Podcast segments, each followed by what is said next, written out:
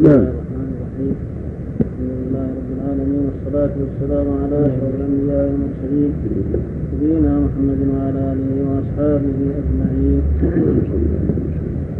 قال الإمام ابن القيم رحمه الله تعالى أصول في هدي صلى الله عليه وسلم في العبادات. فصل في هدي صلى الله عليه وسلم في الوضوء. كان صلى الله عليه وسلم يتوضأ لكل صلاة في غالب أحيانه.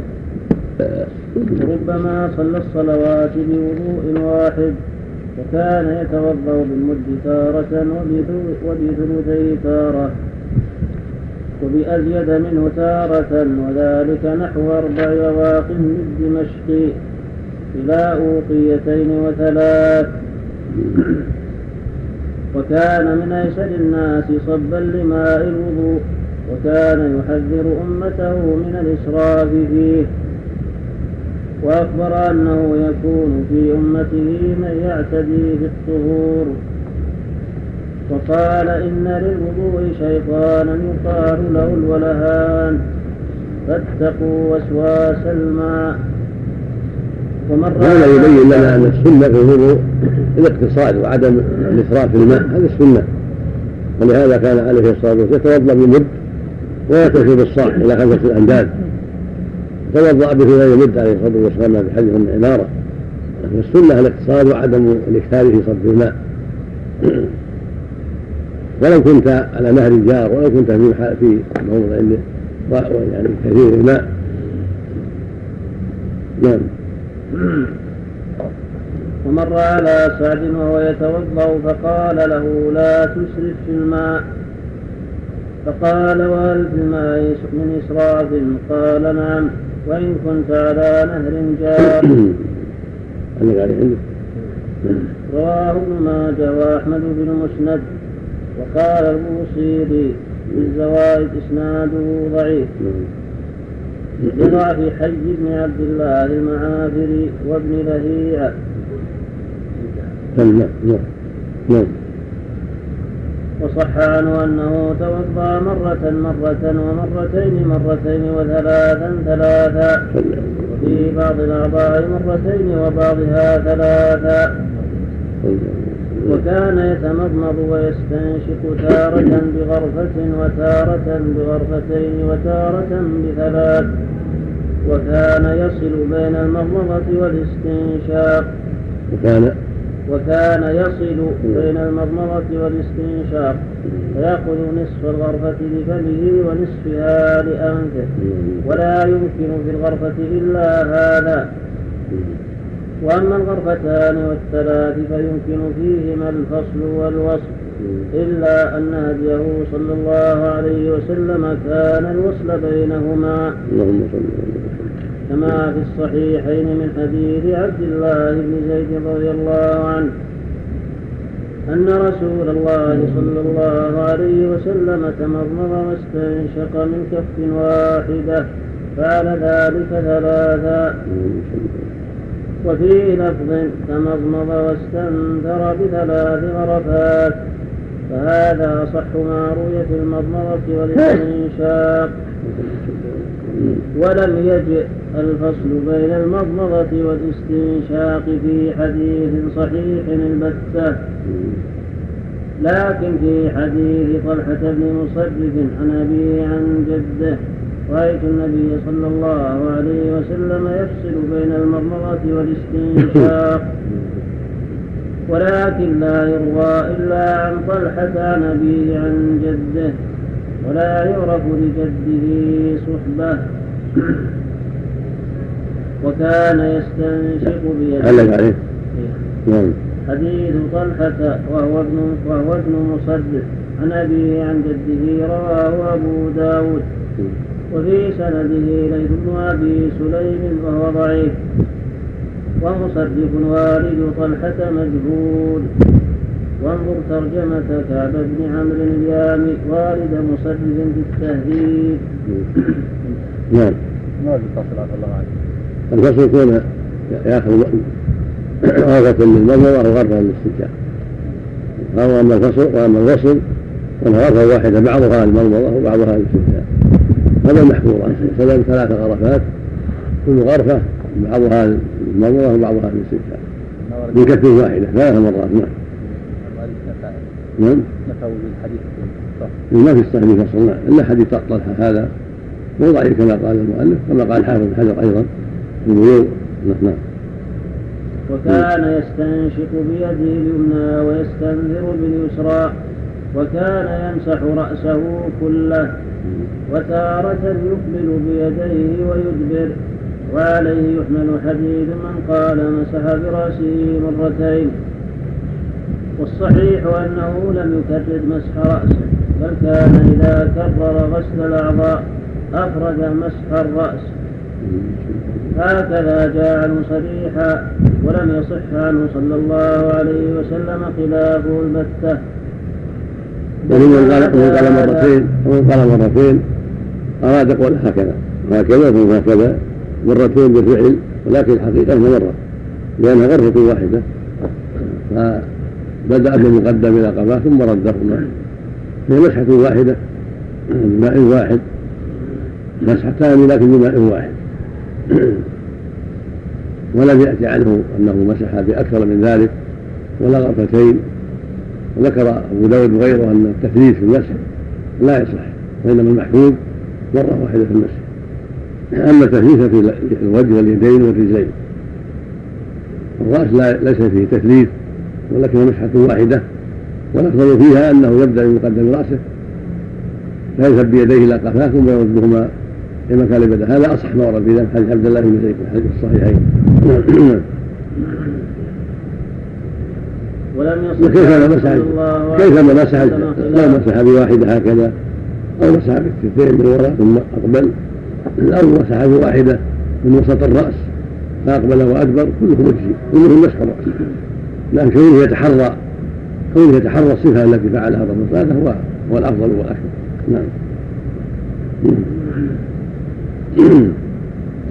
ولم يصح عنه صلى الله عليه وسلم خلافه البتة بل ما عدا هذا إما صحيح غير صريح كقول الصحابي توضأ ثلاثا ثلاثا وكقوله مسح برأسه مرتين وإما صريح غير صحيح كحديث ابن البيلماني عن أبيه عن عمر رضي الله عنه أن النبي صلى الله عليه وسلم قال من توضأ فغسل كفيه ثلاثا ثم قال ومسح برأسه ثلاثا وهذا لا يحتج به. وابن البيلماني وأبوه مضعفان. وإن كان الأب أحسن حالا وكحديث عثمان الذي رواه أبو داود أنه صلى الله عليه وسلم مسح رأسه ثلاثا وقال أبو داود أحاديث عثمان الصحاح كلها تدل على أن مسح الرأس مرة. ولم يصح عنه في حديث واحد أنه اقتصر على مسح بعض رأسه البتة. ولكن كان إذا مسح بناصيته كمل على العمامة فأما حديث أنس الذي رواه أبو داود رأيت رسول الله صلى الله عليه وسلم يتوضأ. وعليه عمامة قطرية فأدخل يده من تحت العمامة فمسح مقدم رأسه ولم ينفض العمامة. فهذا مقصود أنس به أن النبي صلى الله عليه وسلم لم ينقض عمامته حتى يستوعب مسح الشعر كله.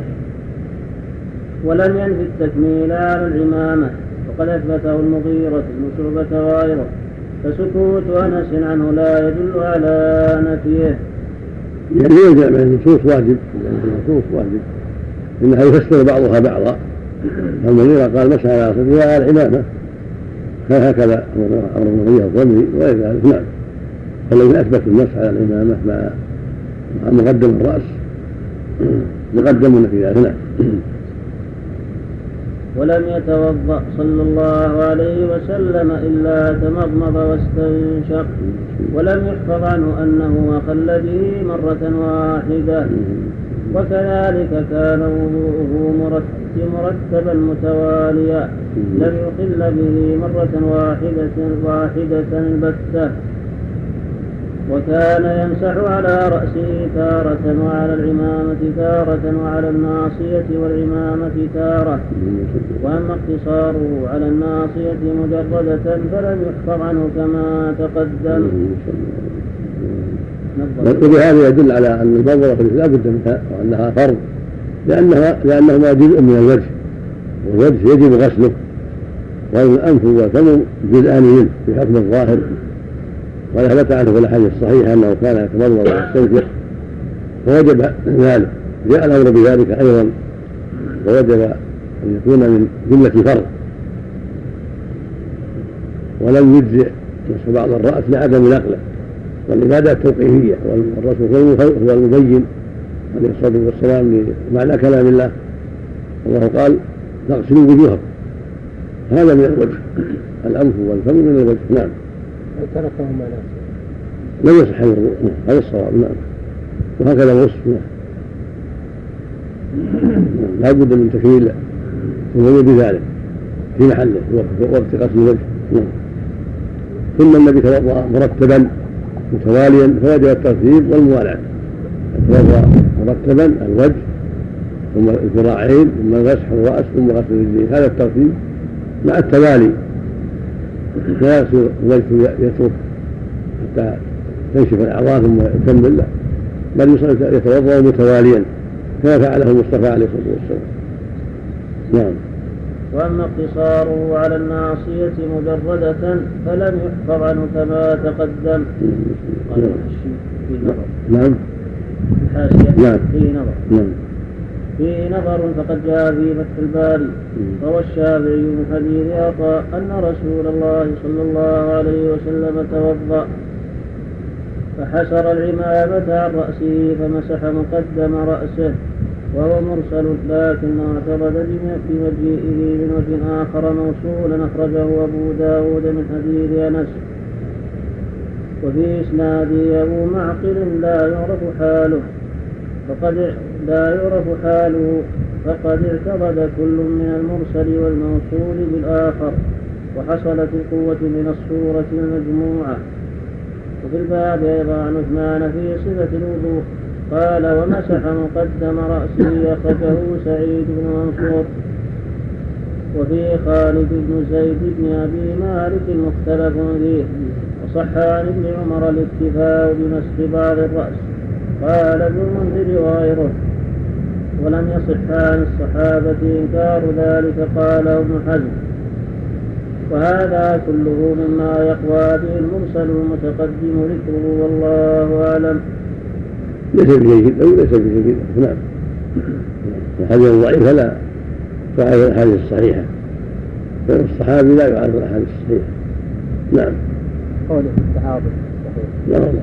مجهول مع منقطع مرسل لا يصح. نعم. نعم. وكان يغسل رجليه إذا لم يكونا في خفين ولا جوربين ويمسح عليهما إذا كانا في الخفين أو الجوربين. هو يحمل على أنه هذا الإنسان حسع الرأس ومسح على العمامة على قال أدخل يديه ومسح مقدم ممكن سكوت عن سكوت عن مسح الإمامة لا ينفي لأن سبق حديث المغيرة وغيره المسح نعم. لكن جاء في الحديث الصحيح مسح نعم. وكان يمسح أذنيه مع رأسه نعم. وكان يمسح ظاهرهما وباطنهما. ولم يثبت عنه أنه أخذ لهما ماء جديدا. وإنما صح ذلك عن ابن عمر. نعم. ولم يصح عنه في مسح العنق ولم يصح عنه في مسح العنق حديث البتة.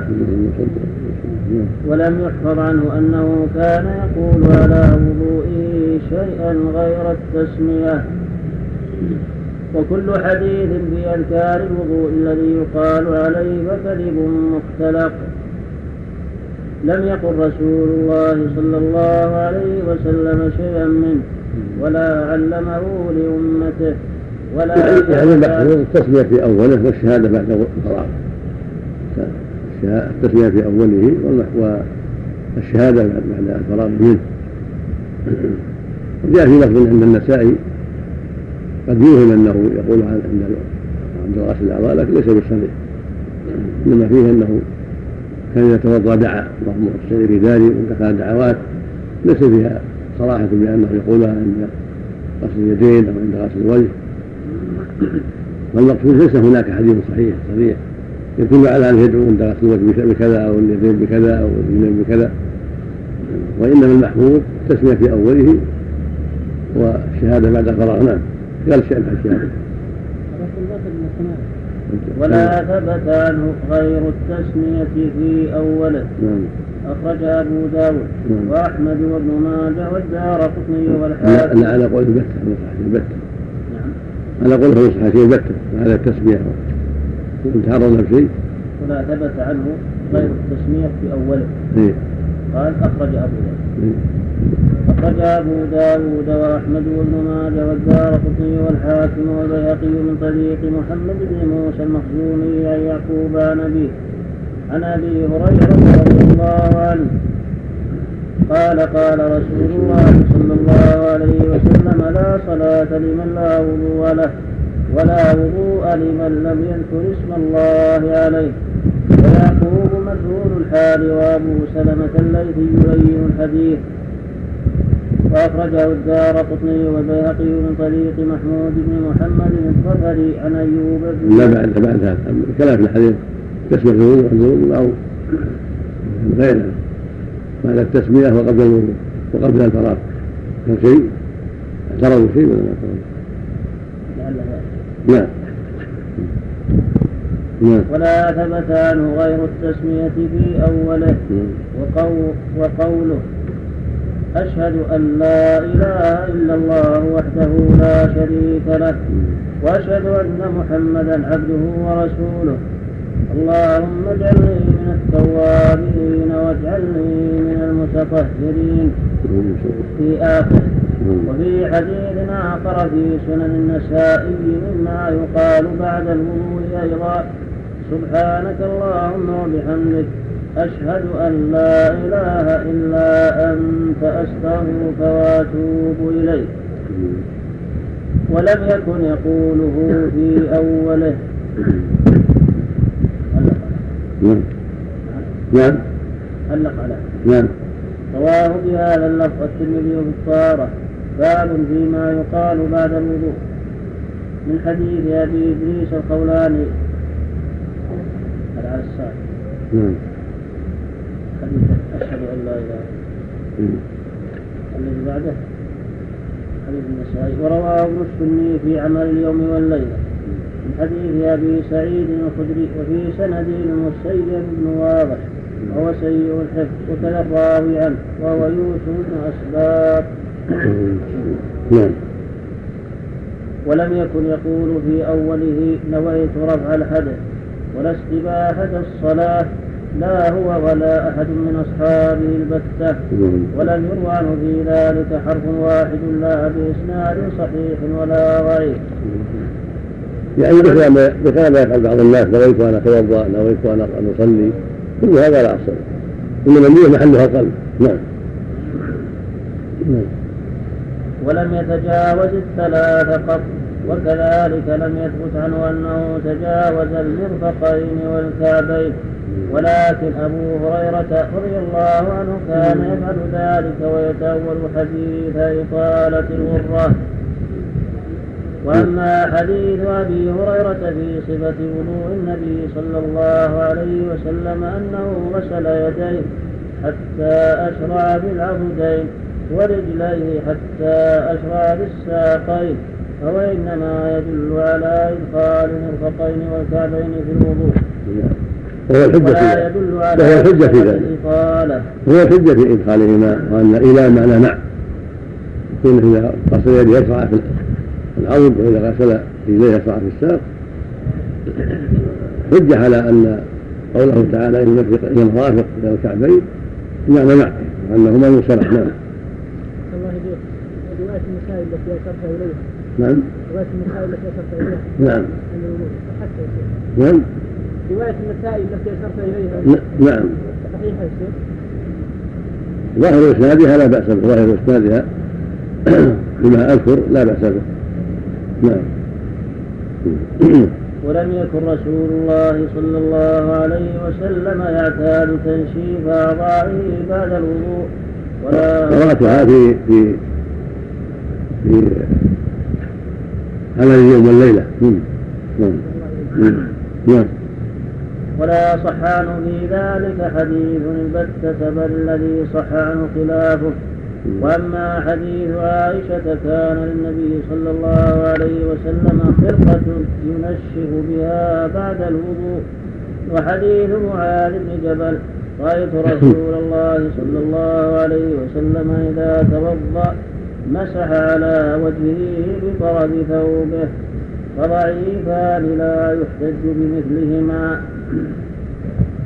في الأول سليمان بن أرقم متروك وفي الثاني عبد الرحمن بن زياد بن أنعم الإفريقي ضعيف قال الترمذي ولا يصح عن النبي صلى الله عليه وسلم في هذا الباب شيء. ولم يكن من ويبقى ويبقى من باب الجواز. لا من باب السنة. يبقى من باب الجواز. تنفيذ تنفيذ الوضوء من باب الجواز. من نشف فلا بأس ومن ترك فلا بأس. أما في الغسل فالأفضل الترك. لأن ميمونه تترك بالمنديل فرد ينفض الماء به عليه الصلاة والسلام. نعم. ولم يكن من هديه صلى الله عليه وسلم أن يصب عليه الماء كلما توضأ ولكن تارة يصب على نفسه وربما عاونه من يصب عليه أحيانا لحاجة. كما في الصحيحين عن المغيرة بن شعبة أنه صب عليه في السفر لما توضأ. صلى الله عليه وسلم. وكان يخلل لحيته أحيانا ولم كيف يكن إذا كان حصل تنشيف مثلا لأجل البرد نعم.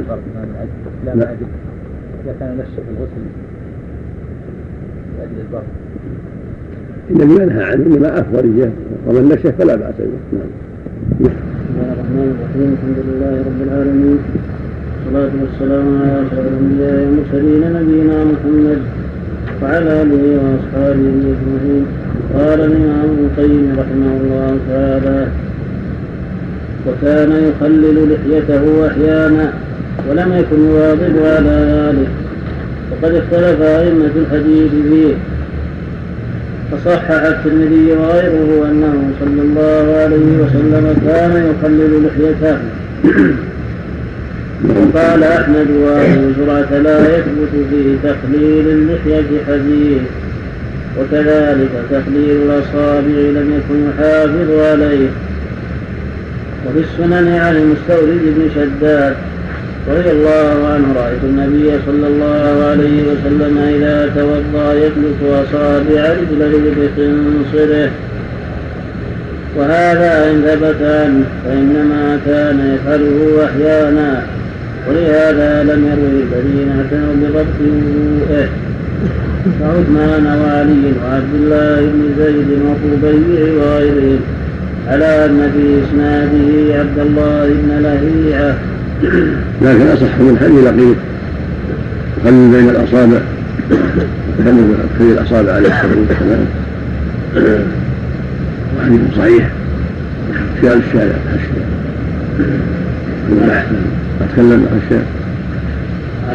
على حديث صح الترمذي عن التخليل. مم. حديث صحيح رواه الترمذي في الطهارة باب ما جاء في تخليل اللحية. في الطهارة باب ما جاء في تخليل اللحية وابن حبان والحاكم والمستدرك مم. عن عثمان رضي الله عنه وفي سنده عامر بن شقيق وهو لين الحديث وباقي رجاله ثقات وله شاهد من حديث انس اخرجه ابو داود وله طرق أخرى عند الحاكم وابن عدي الذهلي وشواهد من حديث عائشة عند أحمد وأبي أمامة عند ابن أبي شيبة وعمار عند الترمذي وابن ماجه وابن عمر عند الطبراني في الأوسط. انظر التلخيص. والصواب ما تقدم. بعض الأحيان يخلل. بعض الاحيان بعض الأحيان لا يخلل. مجموعة هذه الطرق تدل على أن التخليل له أصل. وأنه يفعله في بعض الأحيان عليه الصلاة والسلام. وبعض الأحيان يترك يسيل الماء على لحيته يعمها بالماء مع وجهه ويكتفي بذلك. هذا هو المعروف في الأحاديث الصحيحة كثيرة أنه يغسل وجهه ويسيل الماء على لحيته عليه الصلاة والسلام. نعم. وأما تحريك خاتمه فقد روي فيه حديث ضعيف من رواية معمر بن محمد بن عبيد الله بن أبي رافع نبي عن جده. أن النبي صلى الله عليه وسلم كان إذا توضأ حرك خاتمه ومعمر وأبو ضعيفان ذكر ذلك الدار قطني. والغالب أن الخاتم يدخله الماء غير محتاج إلى التحديث لأن ما يستره من الإصبع قليل والماء يدخل من بين ذلك عند غسل اليدين. نعم. كلام الشيء نعم. رواه ابن ماجه في الطهارة؟ باب تخليل الأصابع. قال البوصيري في الزوائد إسناده ضعيف. ضعف معمر وأبيه محمد بن عبيد الله. بس ولا الحديث اللقيط الأصابع. هذا؟ فيه تعليق على إذا توضأ يملك أصابع رجليه رواه أحمد وأبو داود والترمذي وابن ماجه. وفيه عندهم ابن لهيعة وهو سيء الحفظ لكن قال الحافظ التلخيص تابعه الليل بن سعد وعمرو بن الحارث أخرجه البياقي وأبو بشر الدولابي والدار قطني في غرائب مالك. من طريق ابن وهب عن الثلاثة وصححه ابن قطان. وقد ثبت له بتقليل الأصابع من حديث لقيط بن صبرة رواه الشافعي وأبو داود وأحمد والنسائي وابن ماجه والترمذي. بلفظ أسبغ الوضوء وخلل بين الأصابع وبارك الاستنشاق إلا أن تكون صائما. وصححه ابن حبان والحاكم وأقره الذهبي وهو كما قالوا وصححه أيضا ابن القطان والنووي وابن حجر. نعم. وكذا نعم. الشيخ هل يكون سنة؟ نعم تحريش نعم. فصل في هديه صلى الله عليه وسلم في المسح على الخفين صح عنه أنه مسح في الحضر والسفر ولم ينسخ ذلك حتى توفي. وقت للمقيم يوما وليلة وللمسافر ثلاثة أيام ولياليهن في عدة أحاديث حسان وصحاح وكان يمسح ظاهر الخفين ولم يصح عنه مسح أسفلهما إلا في حديث منقطع والأحاديث الصحيحة على خلافه. ومسح على الجوربين والنعلين ومسح على العمامة مقتصرا عليها ومع الناصية وثبت عنه ذلك فعلا وأمرا في عدة أحاديث لكن في قضايا أعيان يحتمل أن تكون خاصة بحال الحاجة والضرورة ويحتمل العموم كالخفين وهو أظهر والله أعلم. وكالخفين مسألة الإمامة مثل مسألة الخفين نعم سنة. لمن كان عليه الإمامة والكفان يمسح يلبسهما على الطهارة نعم. إذا شيخ تكون ثلاث ليالي العمامة المسافر مثل مثل الخفين. لا الخفين والنعمان لا يمسح عليهم لا يغسل. نعم. ولم يكن يتكلف حاله التي عليها قدماه بل إن كانتا في الخف مسح عليهما ولم ينزعهما وإن كانتا مكشوفتين غسل القدمين ولم يلبس الخف ليمسح عليه. هذا آدى الأقوال في مسألة الأفضل من المسح والغسل. قاله شيخنا والله أعلم. الأفضل يعني لا, لا يتكلم. يصاب الرجل وعليه خفان مسح. ويصاب الرجل ولا خفان يعني غسل قدميه. ولكن لو دعت الحاجة إلى لبسهما يمسح لا بأس ولو جاء وقت المغرب أو العشاء وهو محتاج الخفين وهو على طهارة لبسهما يمسح لا بأس لأن الشرط موجود. أو الفجر. صلى آخر الليل وليس عليه الخفان ثم لبسهما ليمسح صلاة الفجر لا بأس. لكن الأفضل ألا يتكلم. نعم. إذا خلع نعم. إذا خلع ينتقل الوضوء. نعم. إذا خلع. إذا خلع بعد الحدث نعم. النار نعم. سمى سنة سمى نعم. فصل في هديه صلى الله عليه وسلم في التيمم.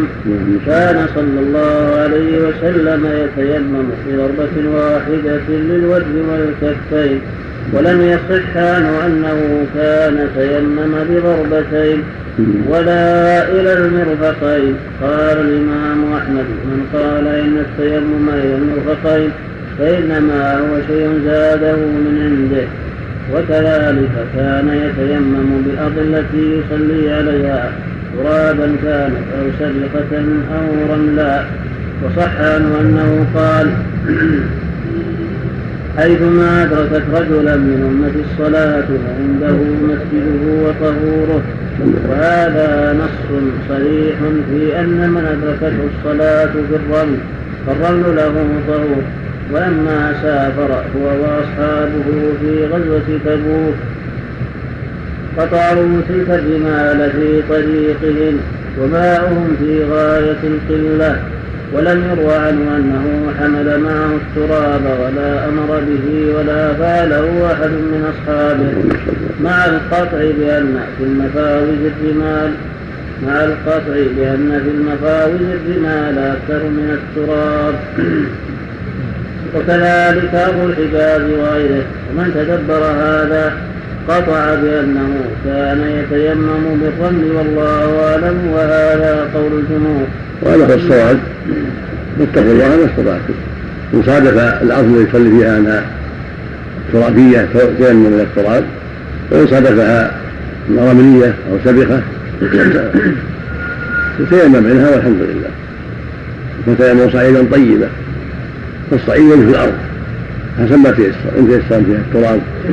تيمم فيه وعلق به التراب وصح قوله جل وعلا ظهر معنى قوله سبحانه وتعالى وامسحوا بوجوهاتكم منه. وإذا كان المكان رمليا أو سبخة أو جبليا تيمم فيها على حسب حاله. فاتقوا الله ما استطعتم نعم. هذا يوجد التراب يجعل لها التراب هذا يوجد عندها التراب يكون في المجلس يمين يتيمم ما يتيمم في المجلس. يجعل لها التراب في إناء يتيمم ارتفاعه ممكن يحمل معها التراب في اسفار نعم. نعم. التراب لا يدخل لا يدخل كتب ما لهم عمموا فيها عمموا على المستشفيات كلها. بس بعض الناس يستاهلون نعم. وأما ما ذكر في صفة التيمم من وضع بطون أصابع يده اليسرى على ظهور اليمنى ثم إنقاذ لكن لو لو قدر أنه في مستشفى ما يسمح فإنما على حسب حاله. في الأرض اللي عنده أو في الدار اللي عنده. اتقوا الله ما نعم. لا يخلي الصلاة لا يؤخر. ثم إظهارها على المرفق ثم إدارة بطن كفه على بطن الذراع وإقامة ثم السنة هكذا.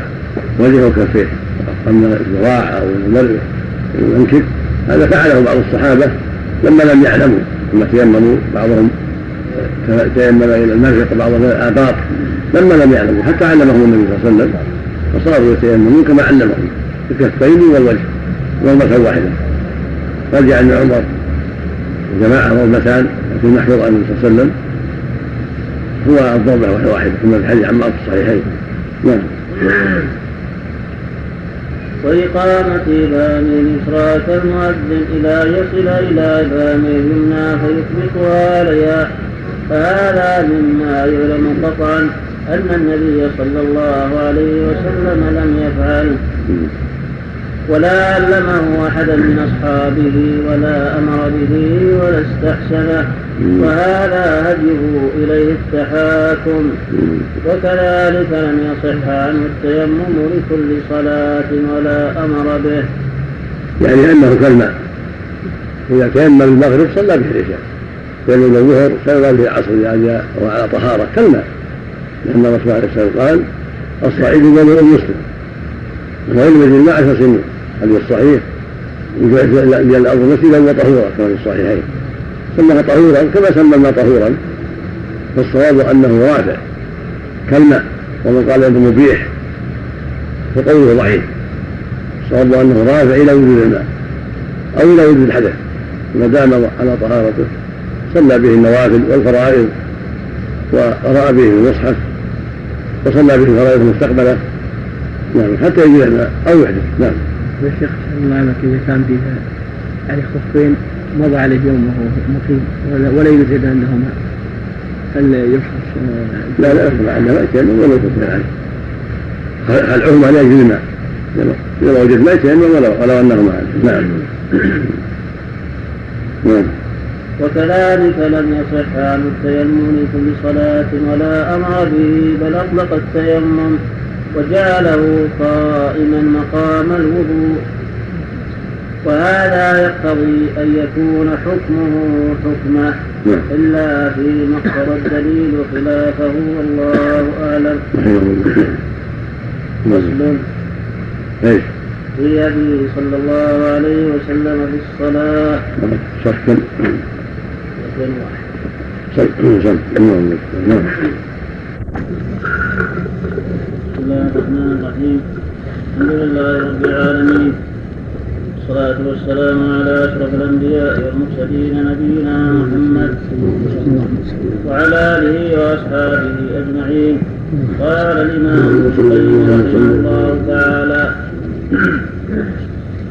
فصل في هديه صلى الله عليه وسلم في الصلاة كان صلى الله عليه وسلم إذا قام إلى الصلاة قال الله أكبر.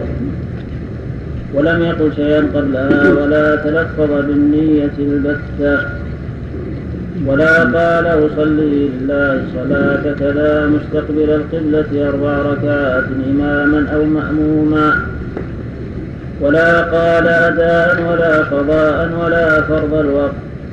وهذه عشر بدع. لم ينقل عنه وهذا واقع في الناس. ولكن قلة المنبه قلة المعلم تجعل هذه البدع تروج وتبقى. ولو أن أهل العلم في كل مكان تواصوا بإنكار ما يقع من البدع وصبروا قلت ولكن السكوت والإعراض والغفلة قلة العلم وقلة السؤال كل هذا يربي البدع وينميها. قل نويت أن أصلي كذا وكذا. لله أداء أو قضاء كانت قضاء. أربع ركعات كالعشاء أو ثلاث ركعات كالمغرب وركعتين كالفجر مع الإمام جماعة أو إماما. كل هذا مما أحدثها الناس من البدع المحدثة كان النبي صلى الله عليه وسلم يقف ثم يأمر الناس بتعديل الصفوف ثم يكبر ويقول نويت كذا وكذا. هذا هو المشروع. وهكذا في الوضوء. لا يقول نويت ان اتوضا نويت ان اطوف نويت ان اسعى هذا ما حدثه الناس. النية محلها القلب. إنما الأعمال بالنيات وإنما لكل امرئ ما نوى. والنية هنا محلها القلوب وما محلها اللسان. نعم. نعم.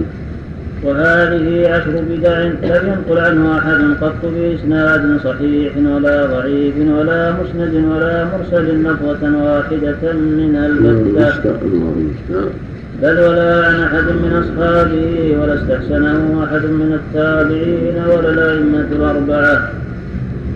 وإنما غر بعض المتأخرين قول الشافعي رضي الله عنه بالصلاة إنها ليست كالصيام. ولا يدخل فيها أحد إلا بذكر. فظن أن الذكر تلفظ المصلي بالنية. وإنما أراد الشافعي رحمه الله بالذكر تكبيرة الإحرام ليس إلا. وكيف يستحب الشافعي أمرا لم يفعله النبي صلى الله عليه وسلم في صلاة واحدة؟ ولا أحد من خلفائه يعني أن الصلاة تبدأ بالتكبير وهو ذكر أما الإحرام والصيام فلا يبدأ بشيء إلا النية. ينوي أنه يمسك عن الطعام والشراب نية الصوم. ما فيها بدء بالذكر إنما نية داخلية. وهو إمساكه عن الطعام والشراب بنية الصيام. هكذا في الحج نية الدخول في النسك في الحج إلى عمرة. هذا الإحرام. ثم يشرع له أن يلبي فيقول لبيك حجة لبيك عمرة ونحو ذلك. نعم.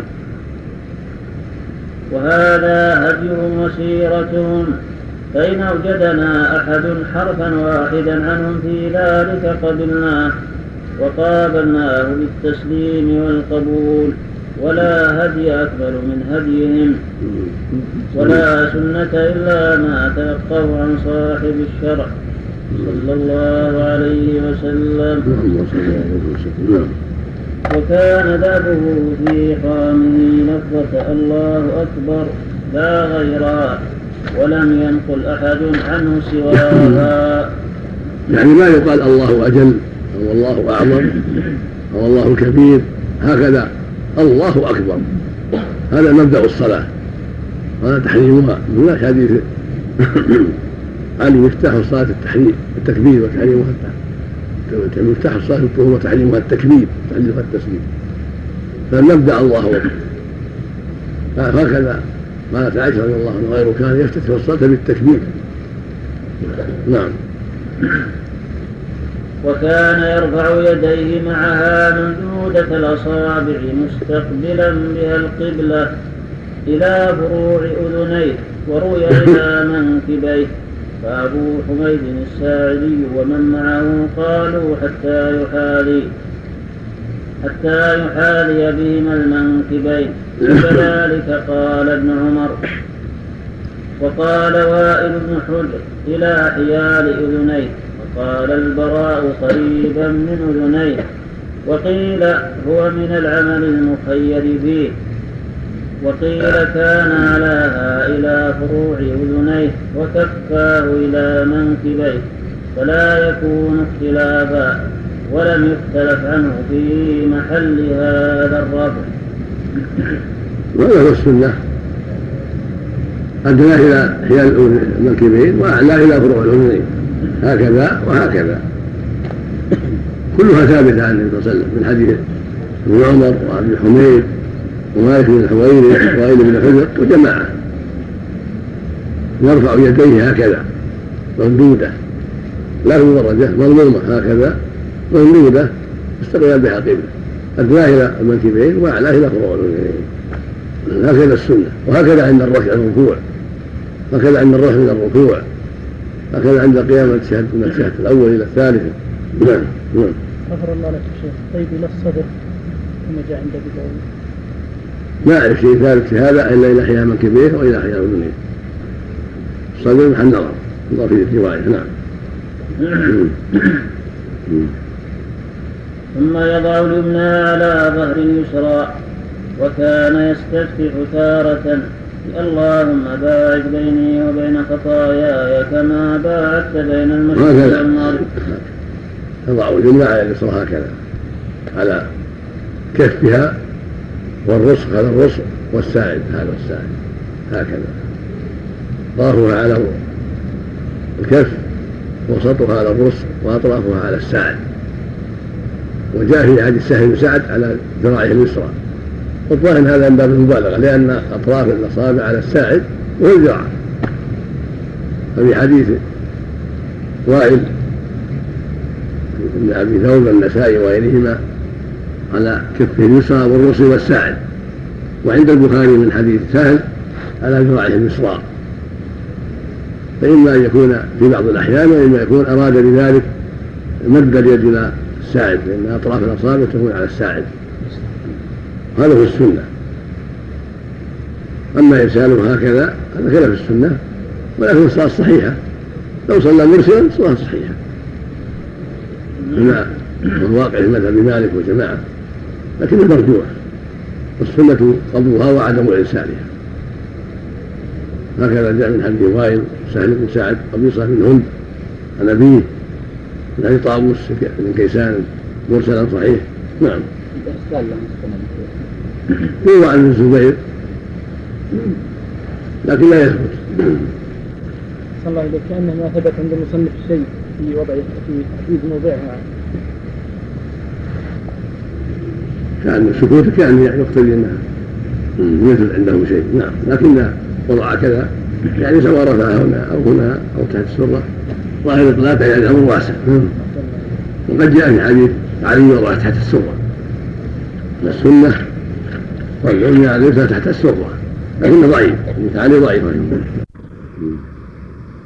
ثم يضع اليمنى على ظهر اليسرى وكان يستفتح تارة اللهم باعد بيني وبين خطاياي كما باعدت بين المشرق والمغرب يضع اليمنى على اليسرى هكذا على كفها والرسغ هذا الرسغ والساعد هذا الساعد. هكذا.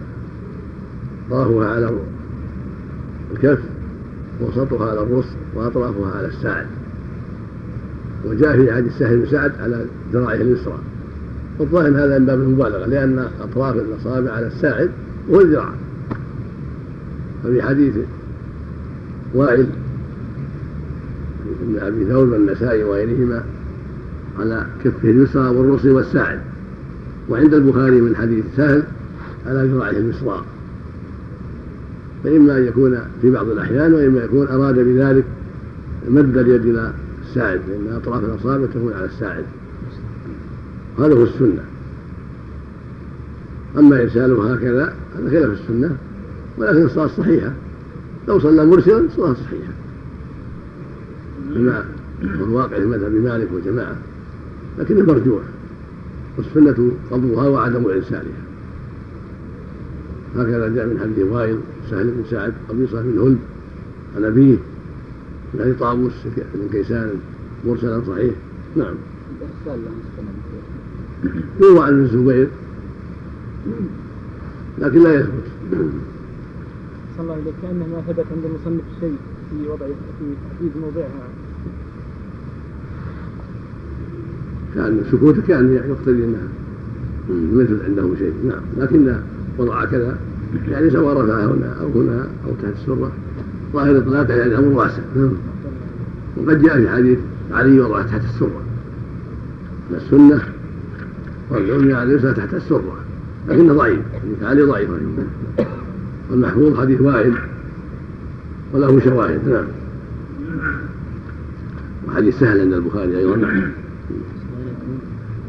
ضعف في علم الخير حسن لا غلط. كان ضعفه غلط الضعيف لا تحت السره وأما حديث وائل فهو صحيح. وأما وان كان في ضعف يسير ينجبر بروايه سهل بن سعد عند البخاري.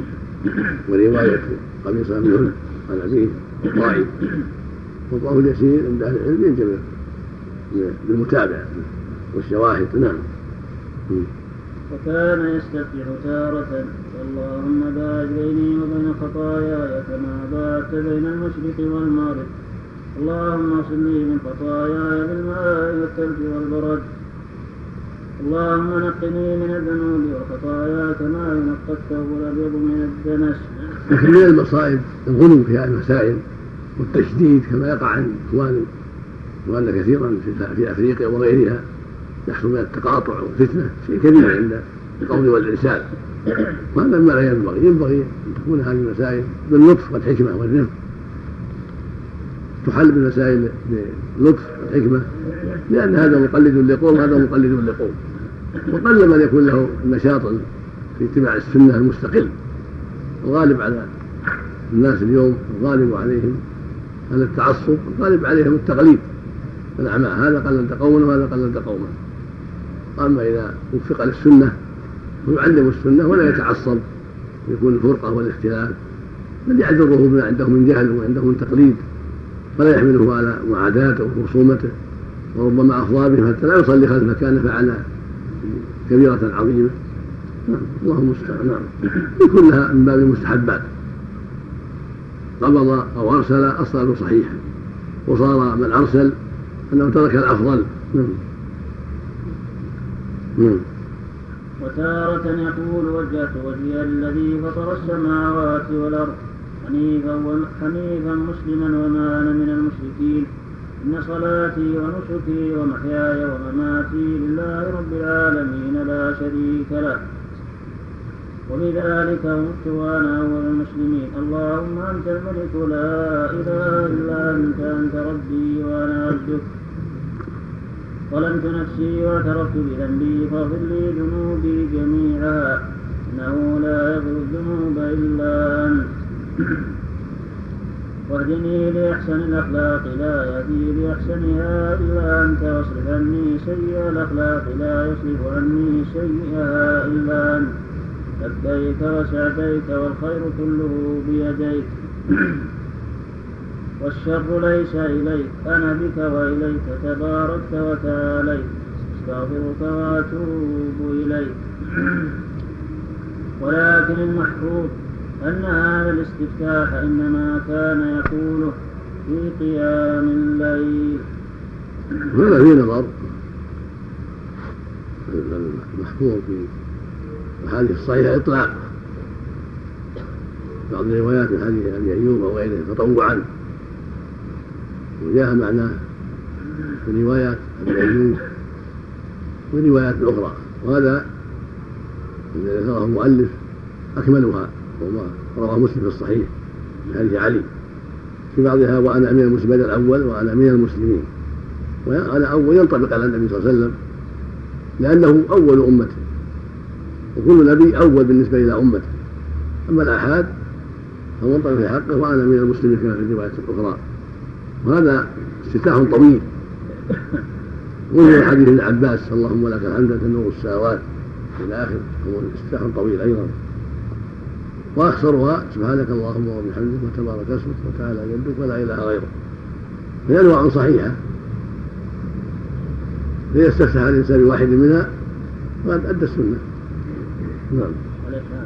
نعم. على قوله ولكن المحفوظ أن هذا الاستفتاح إنما كان يقوله في قيام الليل. بل كان يقوله في المكتوبة أيضا.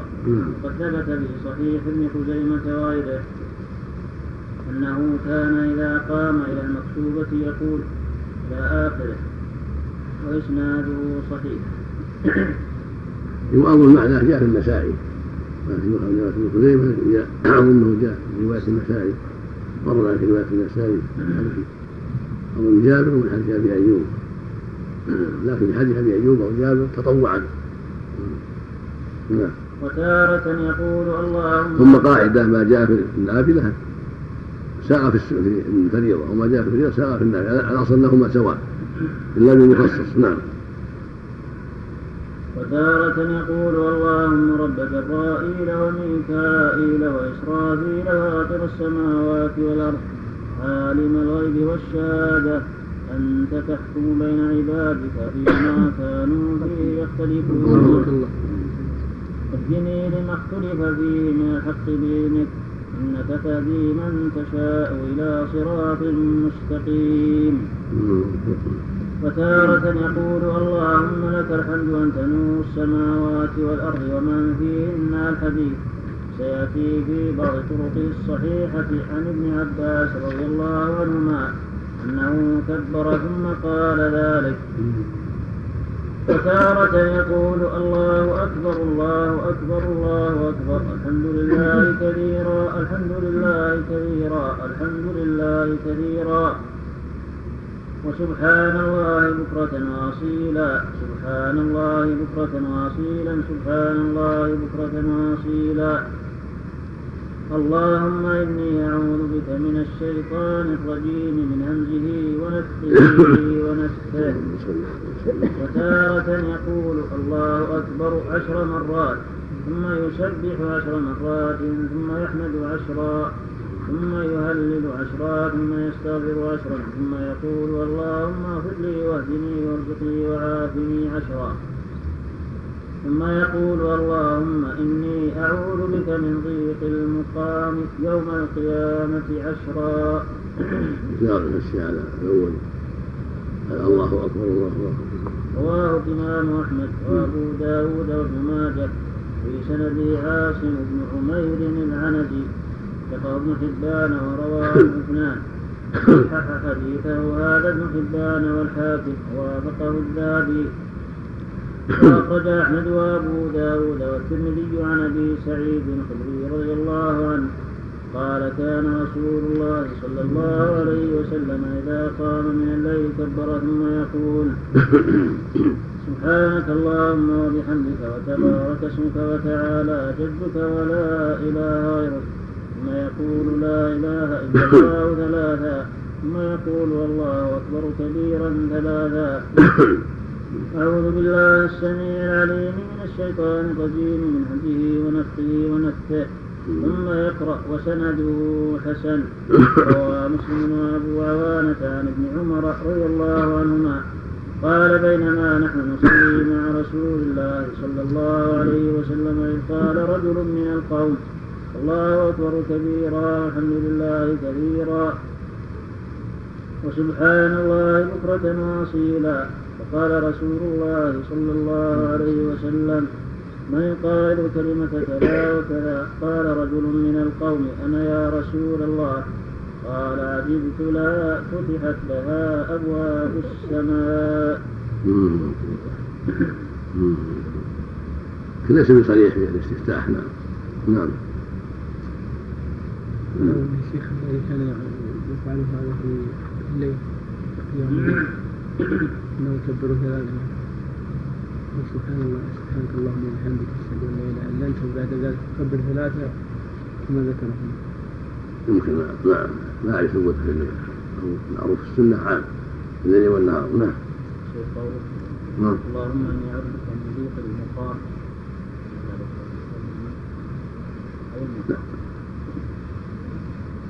محتمل الوقوف بين يديه واحتمل الإقامة المقام الإقامة. فكل هذه الأنواع صحت عنه صلى الله عليه وسلم. وروي عنه أنه كان يستفتح بسبحانك اللهم وبحمدك وتبارك اسمك وتعالى جدك ولا إله غيرك. ذكر ذلك أهل السنن من حديث علي بن أبي نبي عن المتوكل الناجي عن أبي سعيد على أنه ربما أرسل. وقد روي مثله من حديث عائشة رضي الله عنها والأحاديث التي قبله أثبت منه ولكن صح عن عمر بن الخطاب رضي الله عنه أنه كان يستفتح به في مقام النبي صلى الله عليه وسلم ويجر به ويعلمه الناس. وقال الإمام أحمد أما أنا فأذهب إلى ما روي عن عمر. ولو أن رجلا استفتح ببعض ما روي عن النبي صلى الله عليه وسلم من الاستفتاح كان حسنا. وإنما اختار الإمام أحمد هذا لعشرة أوجه. قد ذكرتها في مواضع أخرى منها عمر به يعلمه الصحابة. ومن اشتماله على أفضل الكلام بعد القرآن فإن أفضل الكلام بعد القرآن سبحان الله والحمد لله ولا إله إلا الله والله أكبر. وقد تضمن هذا الافتتاح مع تكبيرة الإحرام. ومنها أنه استفتاح أخلق للثناء على الله وغيره متضمن للدعاء والثناء وغيره متضمن للدعاء والثناء أفضل من الدعاء. ولهذا كانت سورة الإخلاص تعدل ثلث القرآن لأنها أخلصت بوصف الرحمن تبارك وتعالى والثناء عليه. ولهذا كان سبحان الله والحمد لله ولا إله إلا الله والله أكبر أفضل الكلام بعد القرآن. فيلزم أن ما تضمنها من الاستفتاحات أفضل من غيره من الاستفتاحات. هذا مقام جدير بأن يكتب فيه رسالة أبواب الاستفتاحات وأنواعها. جديرة جدير بأن يكون فيه رسالة خاصة الاستفتاح وما يقرأ وأنواعه. نعم. شيخ نعم. وجدنا رسالة مكتوبة. نعم. في الشيخ ابن تيمية جمع رسالة. هنا هذه ما سمعت إلا من كاهن. مطبوعة طبعت مطبوعة من عندكم طبعت في عندي. ها؟ عندي موجود متى طبعت؟ قبل من شاء الله جزاكم الله خير. نعم. أنا- أنا كنت في مدة أقول بعض الأخوان لو أحد تفرغ جمع ما ورد لعل الشيخ استوفى إن شاء الله ولعل الشيخ استوفى. من المطبعة في دار حيدراباد هنا حيدراباد مم. نعم. الله نعم. نعم. ومنها أن غيره من الاستفتاحات عامتها إنما هي في قيام الليل في النافلة. وهذا كان عمر يفعله ويعلمه الناس في الفرض ومنها أن هذا الاستفتاح إنشاء للثناء على الرب تعالى متضمن للإخبار عن صفات كماله ونعوت جلاله. والاستفتاح بوجهت وجهي إخبار عن عبودية العبد وبينهما من الفرق ما بينهما. ومنها أن من اختار الاستفتاح بوجهت وجهي لا يكمله وإنما يأخذ بقطعة من الحديث ويذر باقية بخلاف الاستفتاح بسبحانك اللهم وبحمدك. فإن من ذهب إليه يقوله كله إلى آخره. يعني إنه غالب معلوم. من عني بالسنة ما يحدث بعض يأتي بكله. يعني بعض الناس قد يتكاسل يتقاعس ولا يكمل. بخلاف سبحانك اللهم وبحمدك فانه قليل مختصر ولهذا لا يتقاس عن, عن إكماله. نعم. ما يكون قصدي إذا كان خلف الإمام في الظهريه قد يسبق هو مطلق كلام مطلق. يعني بعض الناس قد يكسب. نعم. مم. نعم. وكان يقول بعد ذلك أعوذ بالله من الشيطان الرجيم ثم يقرأ الفاتحة. وكان يجهر ببسم الله الرحمن الرحيم تارة ويخفيها أكثر مما يجهر بها. ولا ريب أنه لم يكن يجهر بها دائما في كل يوم وليلة خمس مرات أبدا حضرا وسفرا ويخفى ذلك على خلفاء الراشدين. وعلى جمهور أصحابه وأهل بلده في الأعصار الفاضلة. هذا من أمثل المحال حتى يحتاج إلى التشبث فيه بألفاظ مجملة وأحاديث واهية وصحيح تلك الأحاديث غير صريح وصريحها غير صحيح. وهذا موضع يستدعي مجلدا ضخما وكانت قراءته مدا. وهذا هو المحفوظ كل المحفوظ آية. المحفوظ في هذا والأصح أنه كان يسرها كما قال أنس. عائشه وغيرهما ولكن روي عن ما يدل على الجهر في بعض الاحيان للتعليم قال يعني والثابت عنه صلى الله عليه وسلم عدم الجهر بها وقد روى البخاري في صفة الصلاة باب ما يقول بعد التكبير عن أنس رضي الله عنه. أن النبي صلى الله عليه وسلم وأبا بكر وعمر كانوا يفتتحون الصلاة بالحمد لله رب العالمين. وأخرجه الترمذي وعنده القراءة بدأ الصلاة وزاد عثمان وأخرجه مسلم في الصلاة باب حجة من قال لا يجهر بالبسملة. بس بلفظ صليت مع رسول الله صلى الله عليه وسلم. وأبي بكر وعمر وعثمان فلم اسمع احدا منهم. يقرأ بسم الله الرحمن الرحيم ورواه أحمد والطحاوي والدار قطني. وقالوا فيه فكانوا لا يجهرون ببسم الله الرحمن الرحيم. ورواه ابن حبان في صحيحه وزاد ويجهرون بالحمد لله رب العالمين. وفي لفظ للنسائي وابن حبان فلم أسمع أحدا منهم يجهر. فلم أسمع أحدا منهم يجهر ببسم الله الرحمن الرحيم. وفي لفظ لأبي على المرسلي في مسنده. فكانوا يستفتحون القراءة فيما يجهر فيما يجهر به بالحمد لله رب العالمين. وفي لفظ الطبراني في معجمه وابي نعيم في الحلية. وابن خزيمة في صحيحه والطحاوي في شرح معاني الآثار. وكانوا يسرون بسم الله الرحمن الرحيم. قال الزيلعي في نصف الراية رجال هذه الروايات كلهم ثقات وخرج لهم بالصحيح جمع بس تم أحسن ما ورد في هذا في الجهر حديث أبي هريرة في السنن من صلى بالناس وجهر بسم الله وصلى صلاة كاملة وقال إني لا أشبهكم صلاة برسول الله صلى الله عليه وسلم. هذا محتمل أن أنه داخل في ذلك جهره بالبسملة محتمل أنه أراد في أفعاله ونهوضه وجلوسه ولم يرد الجهر بسم الله. هذا الاحتمال أظهر حتى يطابق الأحاديث الأخرى الصحيحة الدالة على السر وعدم الجهر نعم. وإن ثبت الجهر كما قاله جمع هو من باب التعليم من باب الإيضاح أنها تقرأ. نعم.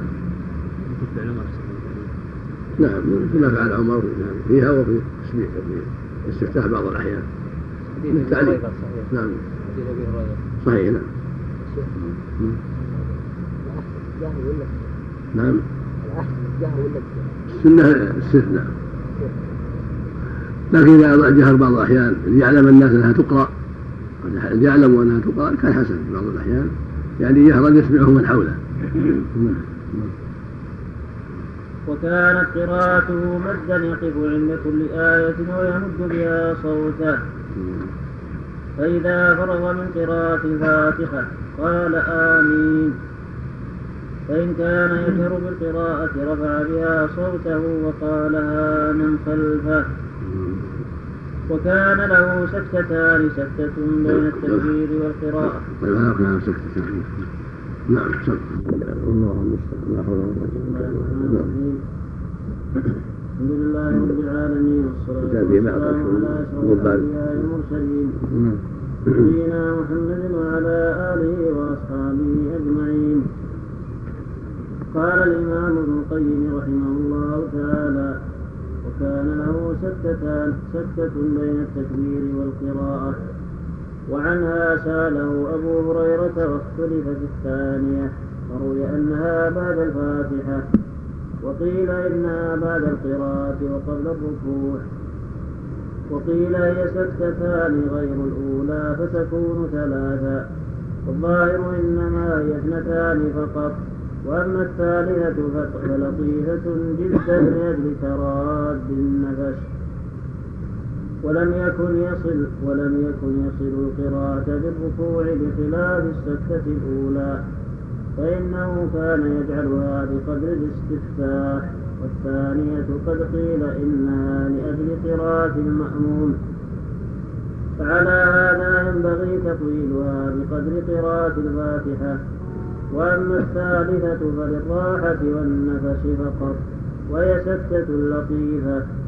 فمن لم يذكرها فلقصرها ومن اعتبرها جعلها سكتة ثالثة فلا اختلاف بين الروايتين. وهذا أظهر ما يقال في هذا الحديث وقد صح حديث السكتتين من رواية سمر نعم. وقد صح حديث السكتتين من رواية سمرة وأبي بن كعب وعمران بن حصين ذكر ذلك أبو حاتم في صحيحه وسمرة هو, هو ابن جندب.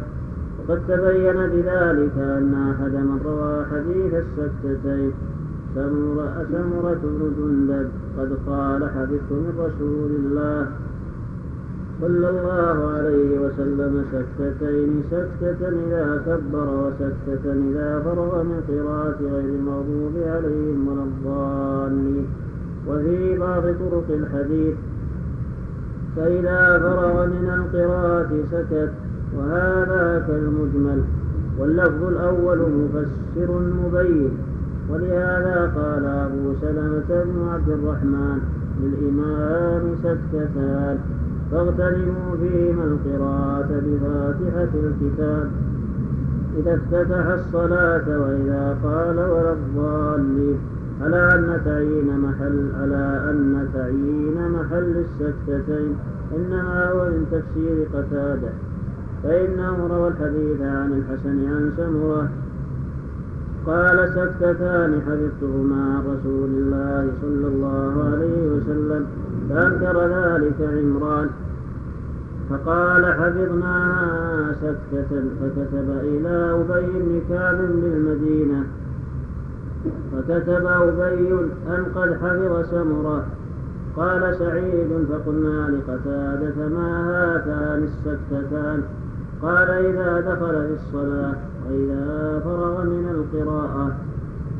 ثم قال بعد ذلك وإذا قال ولا الضالين قال وكان يعجبه إذا فرغ من القراءة أن يسكت حتى يتراد إليه نفسه ومن يحتج بالحسن عن سمرة يحتج بهذا. حشي تكلم حشي على سكتتين ولا؟ هذه السكتتين الثلاث نعم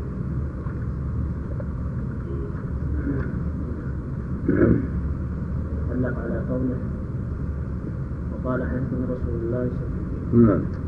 رواه الإمام أحمد وأبو داود والترمذي وابن ماجه عن الحسن أن سمرة بن جندب وعمران بن حصين إلى آخره والحسن لم يسمع من سمرة ولا من عمران فهو منقطع. وأخرج أبو داود من طريق أشعث عن الحسن عن سمرة أنه صلى الله عليه وسلم كان يسكت سكتتين إذا استفتح وإذا فرغ من القراءة كلها. وقال الترمذي وهو قول غير واحد من أهل العلم يستحبون للإمام أن يسكت بعدما يفتتح الصلاة وبعد الفراغ من القراءة وبه يقول أحمد وإسحاق وأصحابنا. ثم تبين يتضح أن السكته الثانية هي اللي هي التي فيها الخلاف. أما السكته الأولى فقد ثبتت في الأحاديث الصحيحة من حديث أبي هريرة في الصحيحين ومن حديث غيره وفيها يقول دعاء الاستفتاح. هذه مجمع عليها لا خلاف فيها. وإنما الكلام في السكتات هل هي بعد الفاتحة أو في آخر القراءة. هذا هو محل اختلاف الرواة وحديث سنده. بعض المقال من جهة الحسن عن سمرة والحسن عن عمران ثم اختلاف الرواة في موضعها فهو بعد الفاتحة أو بعد الفراغ من القراءة. فإذا سكت سكتة خفيفة بعد الفاتحة وبعد القراءة قد أتى بالسنة واحتاط لكنها سكتة خفيفة حتى يفصل قراءة الفاتحة من قراءة ما بعدها. أما القول بأنها بقدر يوم يقرأ المأمون الفاتحة فهذا يحتاج إلى دليل. لم يرد في أحاديث ما يبين, ما مقدارها. القول بأنها سكتة تتسع لقراءة المأمون الفاتحة يحتاج إلى دليل. نعم. وأما السكته الأخيرة التي قبل الركوع فهذا معناه لترد النفس.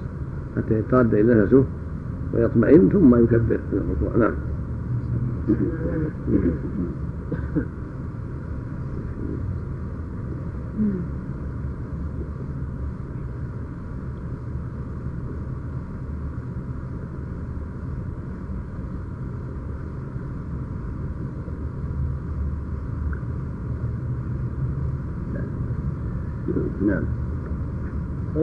ينبغي ينبغي ينبغي ان تجمع هذه الاحاديث من السنن والمسانيد مصنف ابن ابي شيبه مصنف عبد الرزاق وغيره حديث حسن عن سمره حديث عمران وحديث ابي بن كعب كل الثلاثه ينبغي ان تجمع طرقها وما جاء في معناها أيضا حتى يتميز حالها نعم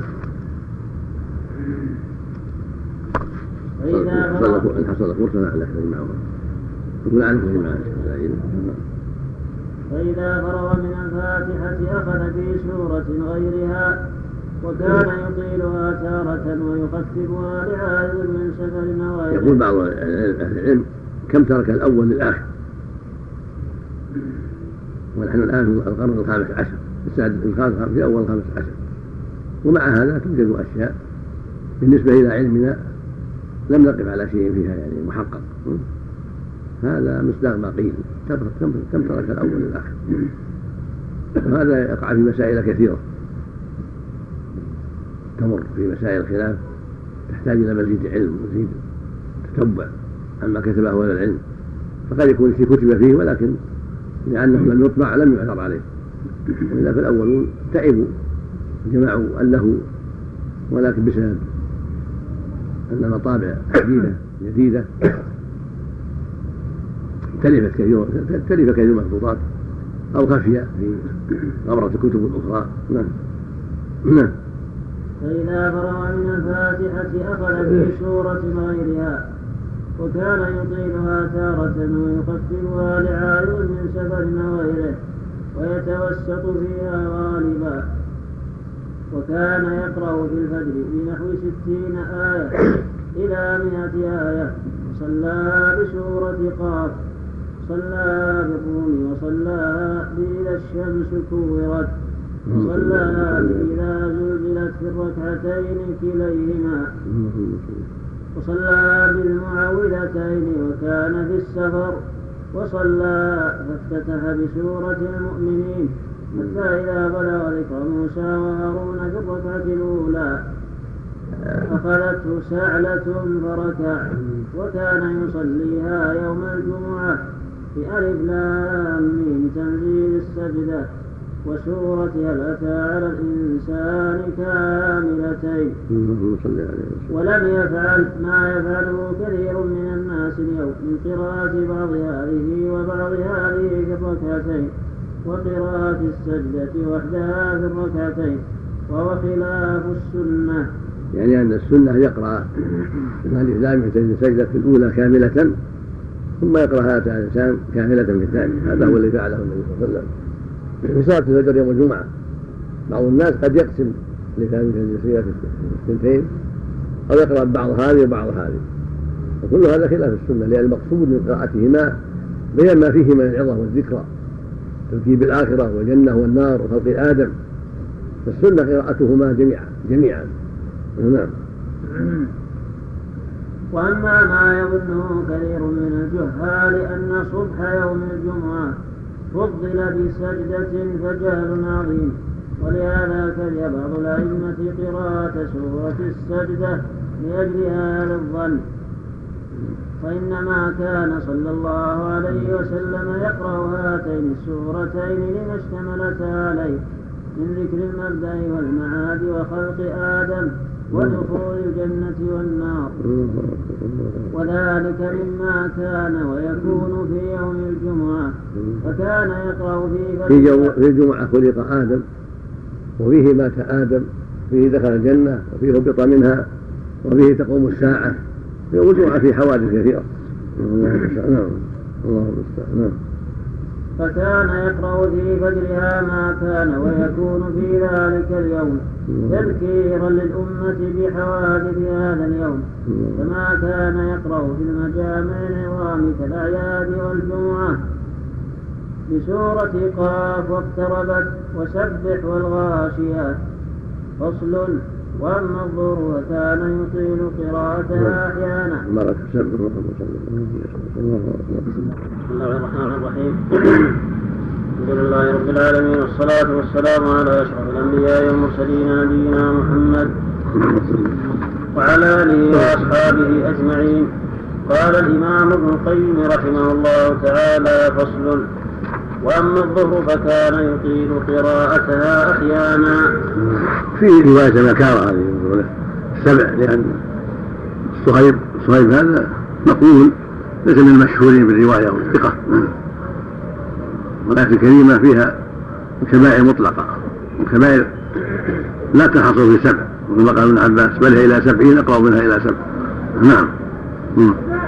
وأما الظهر فكان يطيل قراءتها أحيانا حتى قال أبو سعيد رضي الله عنه كانت صلاة الظهر تقام فيذهب الذاهب إلى البقيع فيقضي حاجته ثم يأتي أهله فيتوضأ.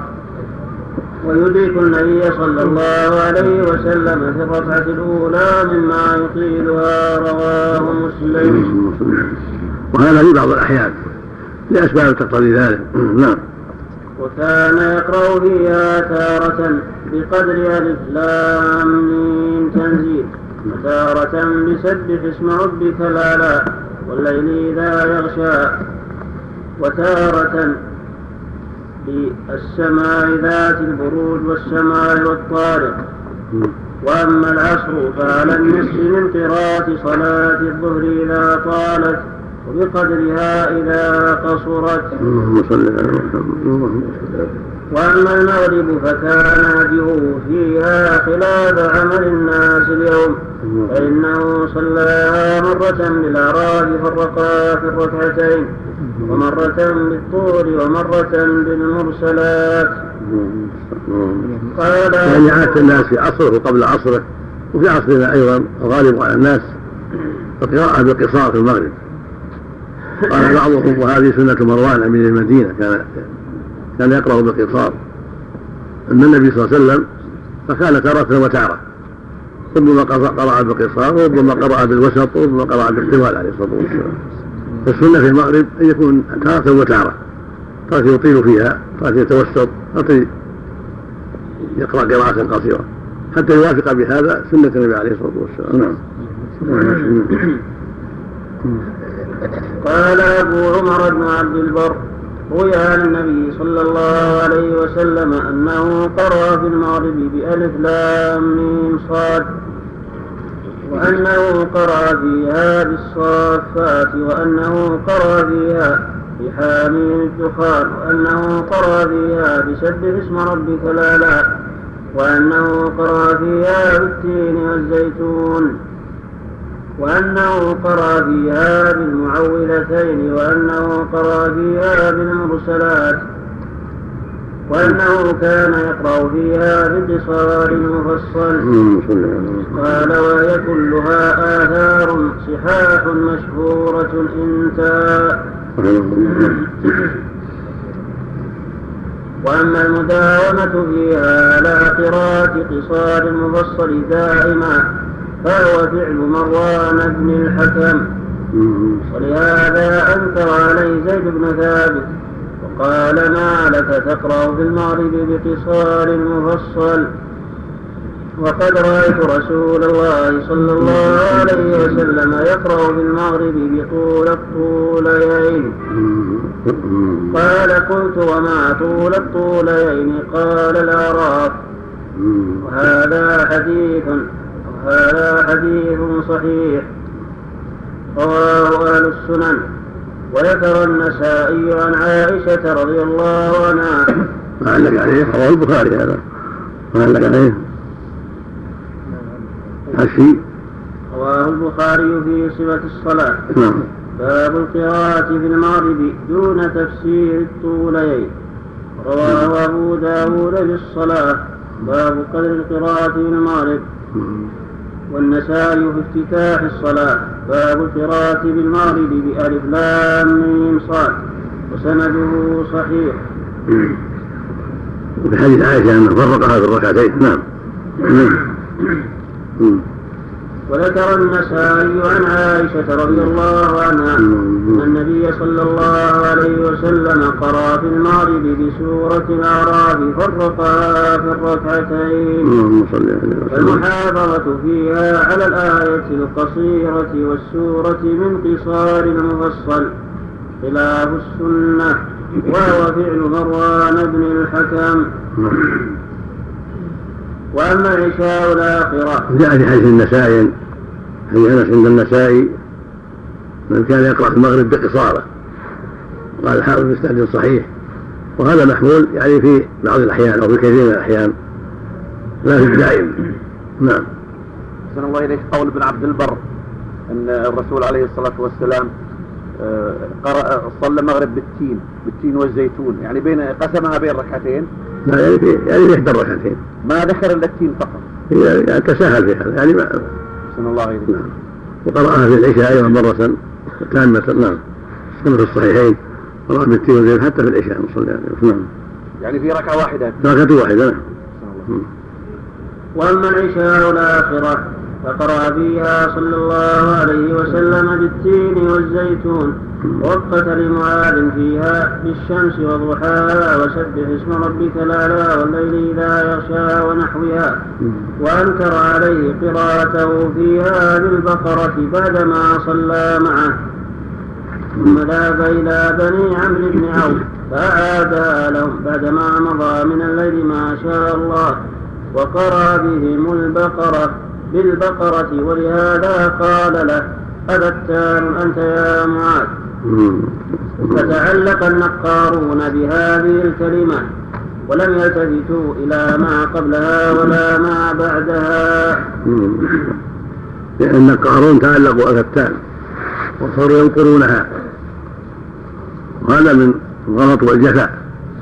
فلا يجوز النقر ولا يجوز التطويل الذي يضر الناس. ولكن على الهيئة التي فعلها النبي صلى الله عليه وسلم.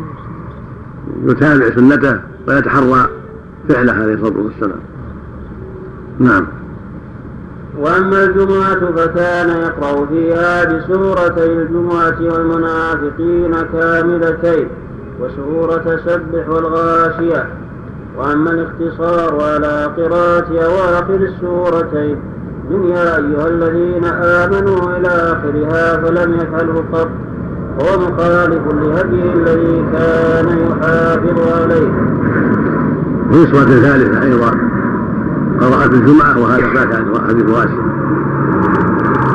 ثبت عنه صلى الله عليه وسلم ثلاث صفات الجمعة والمنافقين في صلاة الجمعة.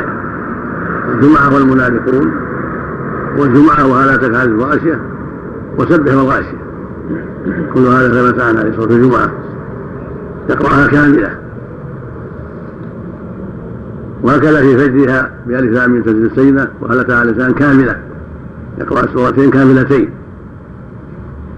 لام تنزيل في الأولى وهل تعالى لسان حين حين في الثانية بعد الفاتحة. نعم. ولو قرأ غيرها فلا بأس لكن هذا هو الأفضل. ولو قرأ في الجمعة أو في صلاة الفجر وغيرها فلا بأس. نعم. يقرأ السجة نعم. يقرأ السجة على الفجر.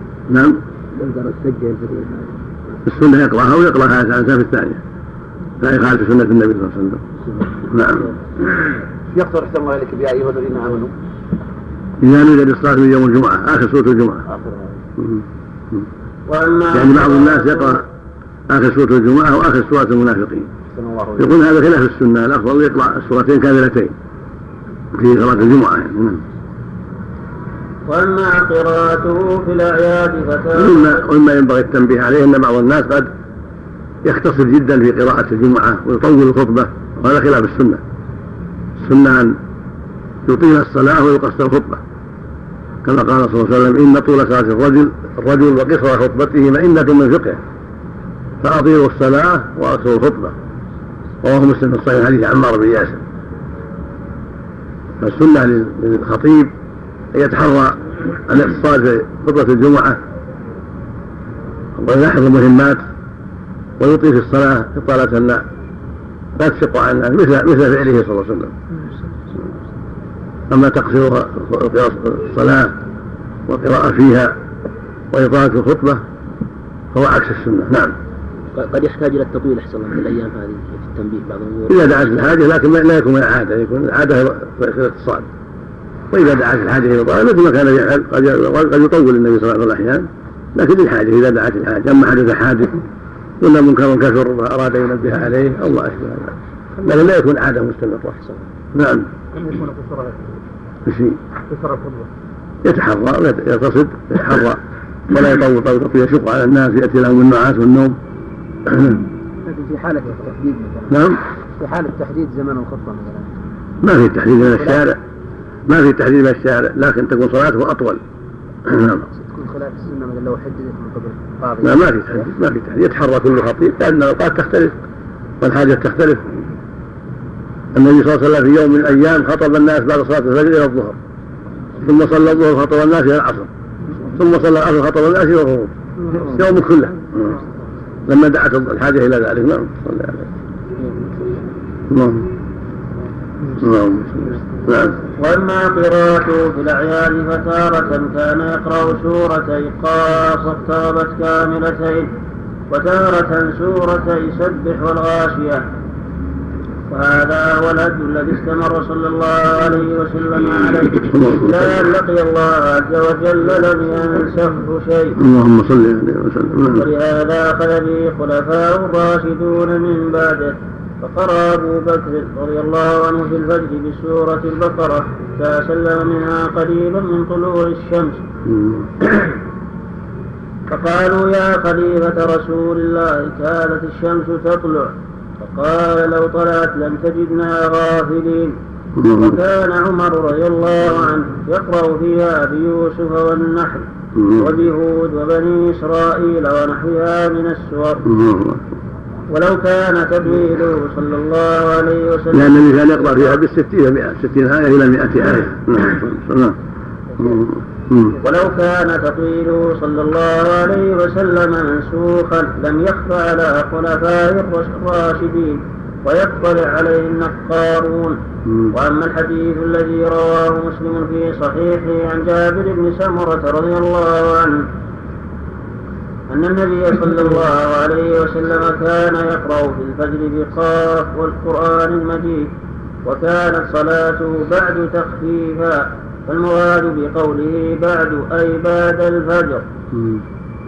أي أنه كان يطيل قراءة الفجر أكثر من غيرها وصلاته بعدها تخفيفا ويدل على ذلك قول أم الفضل وقد سمعت ابن عباس يقرأ والمرسلات عرفا.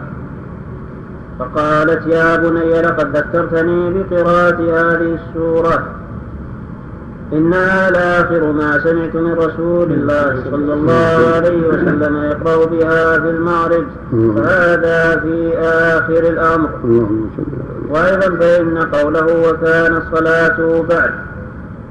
غاية قد حذف ما هي مضافة إليه.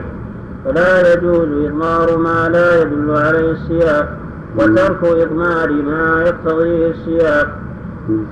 والسياق إنما يقتضي أن صلاته بعد الفجر كانت تخفيفا.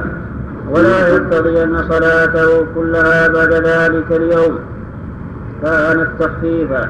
هذا ما لا يدل عليه اللفظ ولو كان هو المراد لم يخفى على خلفاء الراشدين. فيتمسكون بالمنسوخ ويدعون الناسخ وأما قوله صلى الله عليه وسلم الاربع يعني. نعم. كان صلاته بعد تخفيف الصلوات الاربع نعم. الظهر والعصر. نعم. جزاك الله خير. يا شيخ لما طول خطبة الرسول صلى الله عليه وسلم السبب بذلك الله أعلم. نعم.